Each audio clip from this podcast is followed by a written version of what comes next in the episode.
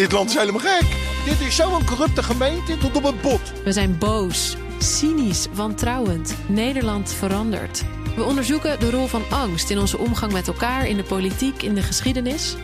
Seizoen 2 van de podcast Polder in de Fik. Waarom we zo bang zijn. Abonneer je nu in je podcast-app. Den Haag. Premier Rutte moet sorry zeggen voor de avondklok en voor de schoolsluiting. Dat vindt de oppositie in de Tweede Kamer. Want die debatteert over de kabinetsaanpak van de coronacrisis rond de tweede harde lockdown van 2021 alweer. En ook over het tweede onderzoeksrapport van de Onderzoeksraad voor Veiligheid. Politiek verslaggever Sophie van Leeuwen is in Den Haag, volgt dat debat. En Rutte is nu aan het woord, toch Sophie? Ja, zeker, Lisbeth. Uh, Rutte die uh, beantwoordt alle kritiek uh, uit de oppositie met name, hoor. Op de avondklok en de zware maatregelen. Ja, het, was, het is een beetje traumatiserend geweest voor iedereen. We hebben het verdrongen met z'n allen. Maar ja, hele, hele heftige dingen zoals de scholen sluiten. Ja, daar, daar moet hij gewoon nu tekst en uitleg over geven. Zijn excuses aanbieden.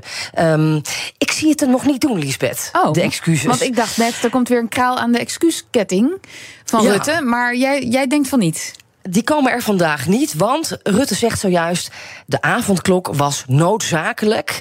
Die besmettingen waren zo hoog, die liepen zo hoog op... in dat najaar van 2021, 20, en dan eigenlijk januari 21.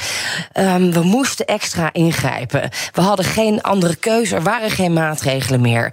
We stonden met ons rug tegen de muur. En je hoort Rutte in debat met Fleur Agema van de PVV. Wat het effect, het geïsoleerde effect van die avondklok is. En dan zegt de OVV-voorzitter... het kabinet weigert dat te onderzoeken. En waarom weigert het kabinet dat te onderzoeken? Omdat de minister-president dat niet wil.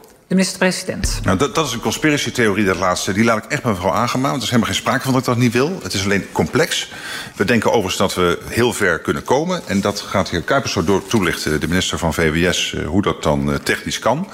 Uh, op dat moment was de maatregel proportioneel. Hij was namelijk geschikt, zo werd hij geacht, geschikt om het doel te bereiken. het was ook op dat moment noodzakelijk om in te grijpen. Er was geen kwestie van verder uitstel mogelijk. Uh, uiteraard kijk je ook als kabinet of er andere mogelijkheden zijn. Het OMT was ook helder, die zijn er niet. En je weegt uiteraard de neveneffecten. Je weet dat die groot zijn als je een avondklok invoert. Daar is geen discussie over. Ja, Rutte die houdt dus vol. Hij had geen keuze. En je weet hoe het afliep. Hè? We zijn zo'n drie maanden met elkaar opgesloten, allemaal thuis.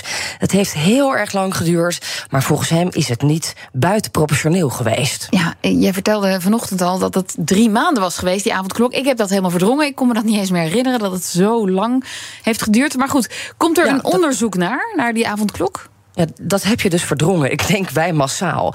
Een onderzoek, ja, dat, eh, dat is de aanbeveling van de Onderzoeksraad voor Veiligheid.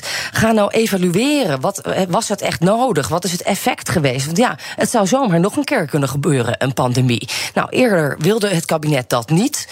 Want die zegt het is moeilijk om één maatregel, zoals de avondklok, geïsoleerd te onderzoeken. Maar Rutte doet zojuist toch een soort toezegging. Minister Kuipers van Volksgezondheid die gaat toch kijken of dat wel lukt. Ehm, en of daar dan eh, ja, eh, toch een, een evaluatierapportje weer, nog een rapport over geschreven kan worden. Ook misschien over de sluiting van de scholen. Wat deed dat met mensen? Hij lijkt die aanbeveling toch over te nemen. Oké. Ook bij jou in de studio Den Haag, eh, Hans Biesheuvel van Ondernemend Nederland. Goedemiddag. Ja, goedemiddag. Ja, u, we, we praten een beetje over geschiedenis, maar Sofie en u waren allebei in Den Haag aan het werk tijdens de coronacrisis. Ehm Sofie en ik hebben het dan een beetje verdrongen, die avondklok. Hoe zit dat bij u? Nou, bij mij, bij mij is dat toen toch echt een bom ingeslagen. Want kijk, eh, we, hadden, we zijn begonnen in, in maart 20 met een eh, intelligente lockdown. Nou, er was nog heel veel support vanuit, ook vanuit ondernemend Nederland voor die maatregel. Toen werd vervolgens in juni eh, 2020 werd alles volledig losgelaten. 100% werd alles losgelaten. En er werd gezegd, nou, je kan weer ondernemen, je kan weer aan de slag. Dansen met Jansen. Dansen met Jansen, Oh ja. alles mocht weer. Drie jaar geleden. Ja, en, en ja, eigenlijk heel, geheel onverwacht. Eind september, begin oktober begonnen alweer de maatregelen richting bijvoorbeeld de horeca. En die hebben zo'n acht maanden uiteindelijk in, uh, in een lockdown gezeten. En daar kwam nog die avondklok bij. Ja, dat sloeg in als een bom werkelijk. En daar zien we de gevolgen nu nog van. Want er zijn uh, zo'n 100.000 ondernemers die met een belastingsschuld die ze maar heel moeilijk kunnen terugbetalen. Vaak hebben ze ook nog andere schulden. Dus die sporen zijn nog enorm merkbaar. Iedere dag als ik in het land kom, ga elke dag het land in op werkbezoek, kom ik ondernemers tegen die worstelen met die gevolgen van corona. Ja, en, en is, zijn die gevolgen, hè, over belastingsschuld spreekt u, zijn die dan echt te, te koppelen rechtstreeks aan die avondklok? Nou, of de rechtstreeks aan de avondklok te koppelen is, dat vind ik moeilijk te zeggen. Want er waren toen een reeks van maatregelen. Maar een van de dingen waar ik toen ook heel erg mee bezig ben geweest, en daarom kan ik het ook moeilijk verdringen, is dat ik in december 20 de MKB-noodlijn heb ben gestart met een aantal organisaties. Ik kreeg toen uh, onder andere bijvoorbeeld de zelfmoordlijn aan de telefoon. Die zeiden, nou, er bellen wel heel veel ondernemers op met uh, ja, mentale problemen. De zelfdodingslijn, de, de 113 bedoelt u? Ja, ja, zeker. We hebben toen met zo'n 25 vrijwilligers uh, maandenlang een telefoon uh, bezet. Of uh, aan de mm -hmm. telefoon gezeten om ondernemers in ieder geval een luisterend oor te bieden. Ja. Nou, ik wil het niet verder dramatiseren, maar het geeft wel aan hoe ongelooflijk ingrijpend die maatregelen ook voor ondernemers zijn geweest. Vooral in de horeca, in de evenementensector en een groot deel van de detailhandel. Ja, want de bedrijven zijn, zoals we weten, natuurlijk gewoon zwaar getroffen door, door alle lockdowns. Niet alleen door de avondklok zelf, maar hoe hard dreunt dat nu nog na? Nou, wat ik al zei, 100.000 ondernemers hebben moeite om uh, hun uitgestelde belasting terug te betalen. Je ziet bij die groep ondernemers dat ook meerdere schulden vaak uh, een rol spelen. Want ze hebben ook vaak nog huurachterstand die ze moeten inhalen. Of nou ja, uitgestelde aflossing bij de financier. Dus dat dat, dat bouwt zich op. En tegelijkertijd ja, hebben ze natuurlijk in 2022 een lastig jaar gehad om te herstellen. Want ja, het gingen alle kosten omhoog. De energiekosten, de inkoopkosten, de personeelskosten. En er staat nu natuurlijk voor heel veel bedrijven een grote periode van investeringen. Uh, bijvoorbeeld in verduurzaming uh, op de agenda. Maar ja, met schuld tot de balans kan je moeilijk geld lenen daarvoor.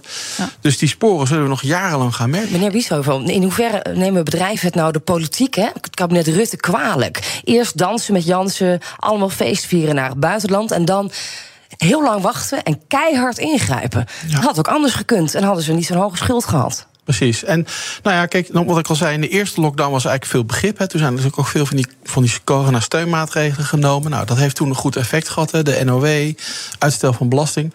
Maar ja, volgens werd alles losgelaten en gingen ondernemers weer aan de slag. Mensen aannemen, noem het maar op.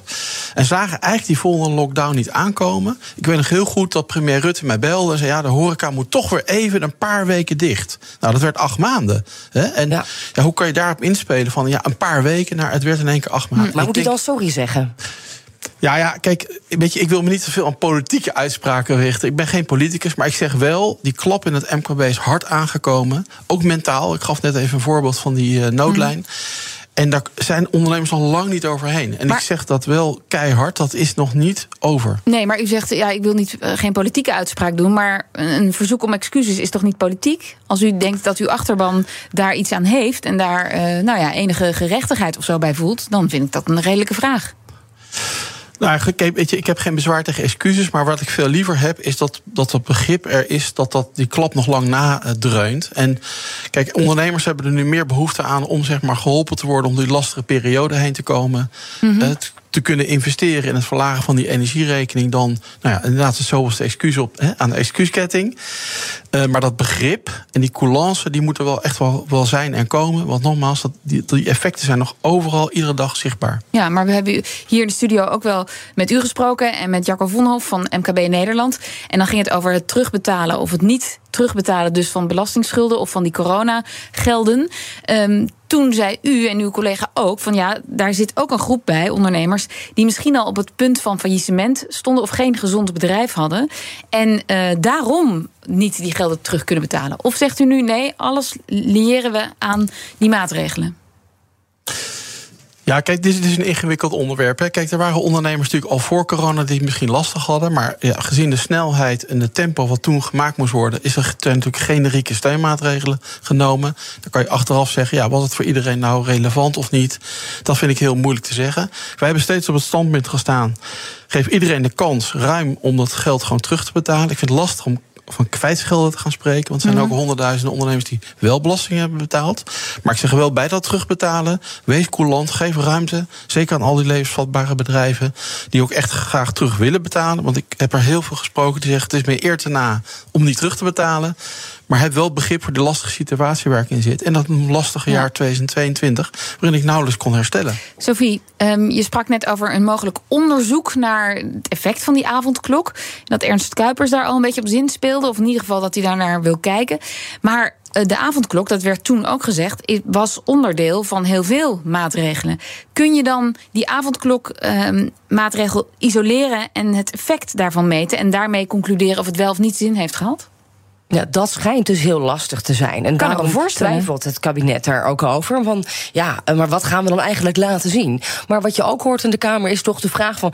kijk dan wat dat heeft gedaan met mensen ook. Hè? Wat, wat is de, de schade, de maatschappelijke schade van zo'n maatregel? Precies wat meneer Biesheuvel zegt. Hè? Ook voor bedrijven en ondernemers die helemaal gek worden. K- Kijk daar ook naar. En neem dat mee als dit nog een keer gebeurt in de toekomst. En, en denk daar niet te lichtzinnig over. Misschien moeten we gewoon niet meer aan de avondklok. Nou ja, en, en wat ik nou aan- zou willen vullen. Kijk, wij hebben in- ook in die tijd heel veel vragen gesteld aan het kabinet. Hè. Is het proportioneel wat je nu doet? En dat werd eigenlijk allemaal ge- genegeerd. Hè. Eh, de OMT was heilig, eh, daar werd naar geluisterd. En de maatschappelijke inbreng werd, was heel beperkt, zo zeg maar niet aanwezig. En ik zou wel willen oproepen, als weer zo'n pandemie komt, luister ook breder in de samenleving, ook naar ondernemers. Eh, nou, wat kan dit, dit soort maatregelen voor effect Ja. hebben? Sophie, over die schoolsluiting is al gezegd, nou dat gaan we niet meer zo snel doen en op zulke grote schaal. Dat is al toegezegd, maar ja, de avondklok nog niet. En dat willen we vandaag misschien even horen van Mark Rutte. Dus ik blijf hier nog even om eh, te luisteren of hij nog met iets komt. Maar een evaluatie, een rapportje, dat kun je krijgen. Nou ja, als dat in onze uitzending gebeurt, dan hoor je dat natuurlijk. Dankjewel. Sophie van Leeuwen, politiek verslaggever... en Hans Biesheuvel van Ondernemend Nederland. Ook Hugo Reitsma vind je in de BNR-app. Superhandig die BNR-app. Je kunt alle programma's live luisteren, breaking nieuwsmeldingen. Je blijft op de hoogte van het laatste zakelijke nieuws. En je vindt er alle BNR-podcasts, waaronder natuurlijk de belangrijkste, Boeken zijn in de wijk. Download nu de gratis BNR-app en blijf scherp.